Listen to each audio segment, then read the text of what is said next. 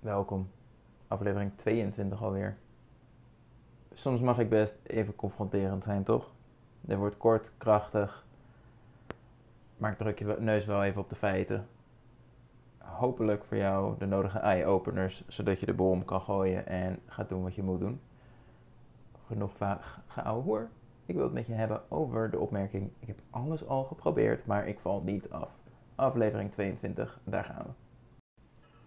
Ik heb de luxe dat ik een vrij groot platform heb op Instagram. En daardoor veel mensen spreek. Daardoor ook heel veel smoesjes krijg en excuses krijg waarom het niet lukt. En als je maar lang genoeg meegaat, dan komt er een stukje herhaling in. En, en dit zijn er een aantal die keer op keer blijft tegenkomen, terwijl de oplossing zo eenvoudig is als je gewoon je kop eens uit het zand haalt. Hopelijk kan ik jou daarbij helpen. Bijvoorbeeld, krachttraining. Volgens mij weten we hoe goed het kan zijn voor het afvallen, maar nee, dat vind ik stom. Hoe serieus heb je het ooit aangepakt? En bedoel ik niet, ben je ooit vijf keer in de week geweest of ben je, ben je er wel twee uur lang? Nee, ik bedoel serieus aangepakt als, heb je enig idee waar je mee bezig bent als je in de sportschool bent? Soms is het namelijk gewoon een stukje doelloosheid, omdat je niet weet wat je moet doen. Ben je goed bezig geweest in de zin van een effectief programma volgen? Werkelijk iedere cliënt die bij mij start en ehm, inderdaad met krachttraining aan de slag gaat, of dat al deed, maar we de boel omgooien, die vertelt me: het kost me veel minder moeite, de drempel is veel lager, de training is kort, maar ik voel achteraf wel dat ik flink bezig ben geweest. En na een week of 5 à 10, dan beginnen lichamelijk ook echt de verschillen te merken zijn, merkbaar te zijn. Ehm, en in de tussentijd vliegen de gewichten die ze kunnen tillen omhoog, dus weet je dat het best wel goed gaat, zeg maar. Een andere kant van krachttraining is ook, wat is je doel? Wil je vet verliezen of wil je afvallen? Als het jouw doel is puur om te zeggen, de weegschaal geeft nu 90 aan en ik wil daar 60 zien staan, ik kan je fantastisch helpen. We stoppen met koolhydraten, we stoppen met zout, we stoppen met sporten en je gewicht neemt wel af. Vet is een heel ander verhaal. Uh, je leven wordt er ook niet heel leuk op. Als gewichtsverlies het doel is, kom niet in de sportschool. Nee, eens. Maar als vetverlies het doel is, dan is het een van de belangrijkste dingen, los van natuurlijk het stukje voeding. Het risico wat je anders namelijk loopt, is dat je niet alleen vet verliest door het afvallen en door het calorietekort, maar ook spiermassa. Wat als ongelukkig gevolg heeft dat je verbranding ook steeds meer en meer afneemt. En waar afvallen met 1800, 2000 calorieën per dag heel goed te doen is, op den duur heb je het nog maar over 1600. En lukt het misschien zelfs daar op den duur niet eens meer mee. En dat is iets wat je dus heel mooi kan voorkomen met krachttraining. Sterker nog, in plaats van dat je spiermassa afneemt, heb je als beginner het voordeel dat het juist zal toenemen. Dat lukt niet als je al twee jaar effectief sport. Als ik nu besluit om af te vallen en ik combineer het met krachttraining, ga ik absoluut niet meer aankomen in spiermassa. Um, ik raak wat kwijt. Maar heel veel minder dan als ik um, er niet bij zou trainen. Nou ja, in jouw geval ervan uitgaand dat je of nog niet heel effectief traint of überhaupt nog niet traint. Spiermassa neemt enorm toe. Wat ervoor zorgt dat je verbranding niet eens afneemt tijdens het afvallen, maar zelfs kan toenemen. Waar je dus bij wijze van begint op 1800 calorieën en daar een halve kilo per week mee afvalt aan vet.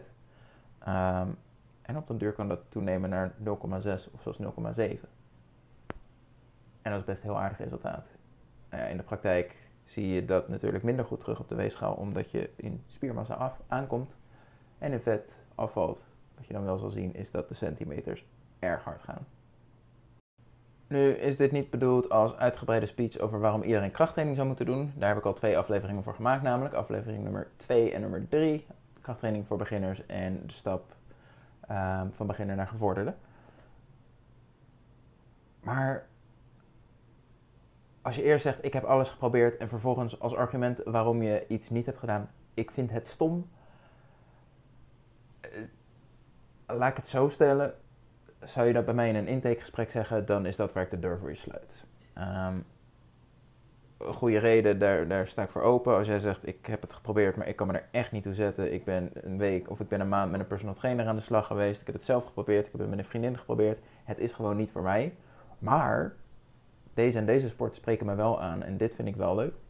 Fantastisch, dan hoor je mij ook niet. Maar als je komt, ja nee, eh, daar begin ik niet aan, want ik vind het stom. Veel plezier ermee. Nummer twee die ik continu hoor, bijhouden van eten. Het liefst in een app, maar het kan desnoods ook met foto's of zelfs op papier.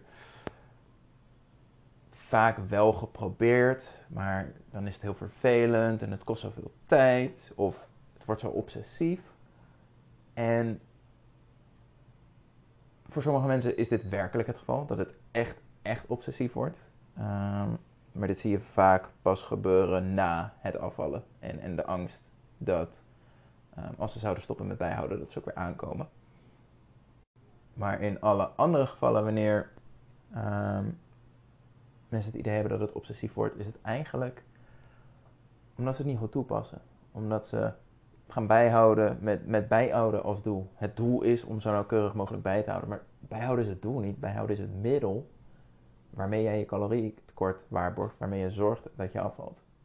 En zodra je dat op die manier gaat inzetten als het middel, en daarbij dus ook nadenkt, waar moet ik op letten? Wat doet er toe? Wat doet er niet toe? Het interesseert mij niet dat je iedere dag perfect op het juiste cijfertje zit en al je balletjes vol zijn en je balkjes zijn groen, weet ik het.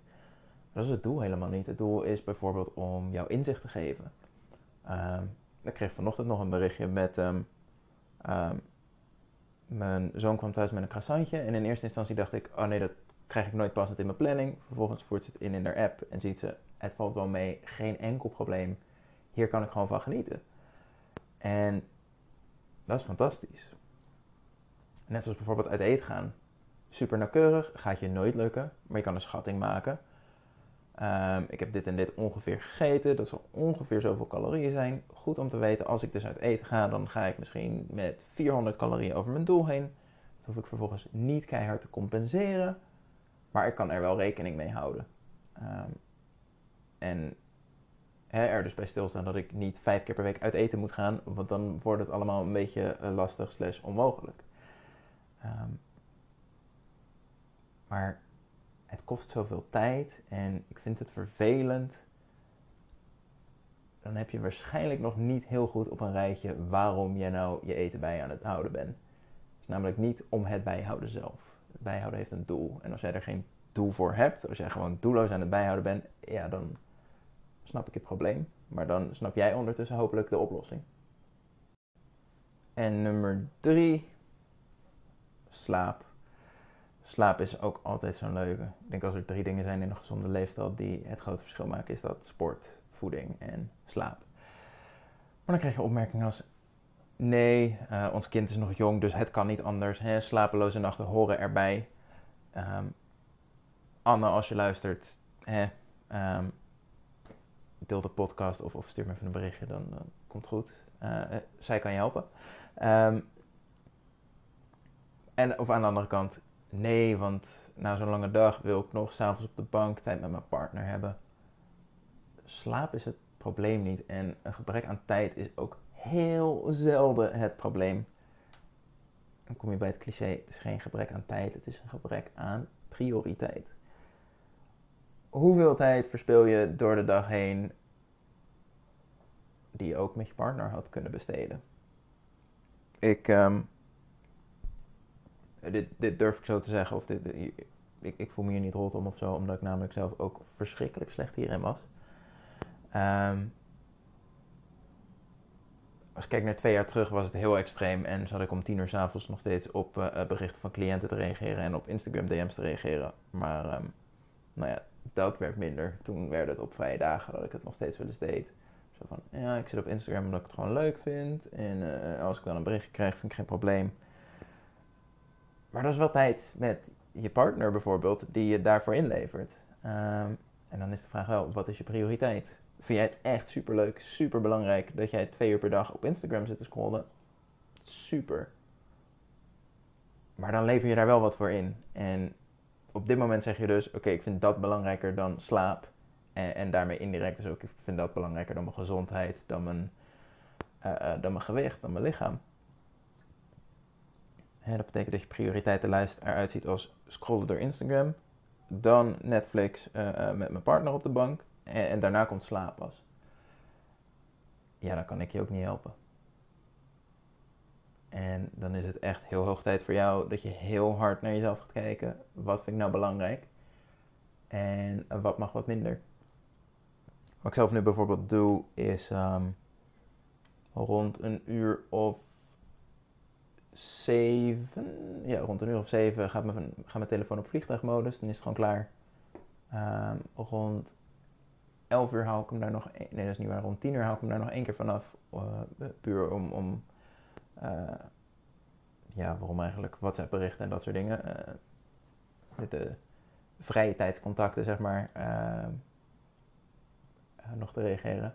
Daarna gaat hij weer op vliegtuigmodus. En gaat hij daar eigenlijk pas vanaf als ik aan het werk ben. Als uh, mijn ochtend erop zit, mijn wandeling in de ochtend achter de rug is. En het liefst pas nadat ik mijn belangrijkste werk gedaan heb. Maar ik ben ook niet perfect en er is nog ruimte voor verbetering, zeg maar. Maar ik ben wel van, ik geloof, twee tot drie uur tijd op Instagram per dag. Onder het, onder het excuus van, ja, maar het is mijn werk. Um, naar maximaal een half uur, drie kwartier. Waarvan een, deel, een groot deel is dat ik mijn stories aan het opnemen en ondertitelen ben. En dan is er ineens heel veel tijd. Dan eh, is slaap geen probleem. Ik heb alle tijd om te slapen. Ik heb ook alle tijd om met mijn vrouw um, nou ja, op de bank te zitten. Maar ook dat wil ik wat minder. Dus in dit geval uh, om de deur uit te gaan, zodat we ook aan onze stappen komen. Um, als je de vorige aflevering hebt geluisterd, dan uh, weet je hoe dat eruit ziet. Maar goed, dat is een stukje prioriteiten. En je kan mij niet vertellen dat jij je tijdsplanning perfect hebt ingericht en er gewoon geen ruimte extra is voor de dingen die er echt toe doen. En ik weet zeker dat je ergens op de dag tijd verspilt waar dat niet nodig is, waar je er weinig waarde en plezier uit haalt. En waar je met een beetje slimme aanpassingen, hè, zoals zo'n vliegtuigmodus op je telefoon, uh, een heel groot verschil kan maken. Nou weet ik dat een klein aantal van jullie echt dol is op dit soort confrontaties en dit soort spiegels volgehouden krijgen. En daar vervolgens keihard mee aan de slag gaan en enorme stappen maken. Ik ben heel benieuwd. Laat het me weten. Stuur me een berichtje. Vind ik super. Um, niet iedereen houdt daar evenveel van. Sommigen vinden dit erg vervelend. Zijn nu uh, de twee dagen zwaar geïrriteerd naar mij toe en negeren me. En dan zie je heel langzaam de omschakeling van: hé, hey, wacht even. Maar ik zit nou weer op Instagram. En je hebt eigenlijk wel gelijk. Dit moet ik toch anders gaan aanpakken, denk ik. En dat is oké. Weet je, als ik degene ben die voor twee dagen verschrikkelijk vindt en daarna begint toch langzaam die verandering, dan is mijn taak volbracht, dan ben ik tevreden. Laat mij maar die, die, die klootzak zijn die ervoor zorgt dat het resultaat er wel is. Daar heb ik vrede mee, ook in mijn coaching. Ze hoeven, me, hoeven niet van me te houden als het resultaat er maar is. En ze achteraf kunnen zeggen, ja, hij had wel gelijk. En het heeft wel gewerkt. Dat vind ik veel belangrijker. Dus uh, ik ben heel benieuwd. Laat me weten wat je ervan vond. Je kan me altijd bereiken op Instagram. Als je de podcast nog niet volgt, je kan erop abonneren. Volgens mij heeft hij hier ook zo'n mooi belletje waar je op kan klikken, zodat je een melding krijgt als er een nieuwe aflevering is. En uh, tot de volgende keer weer.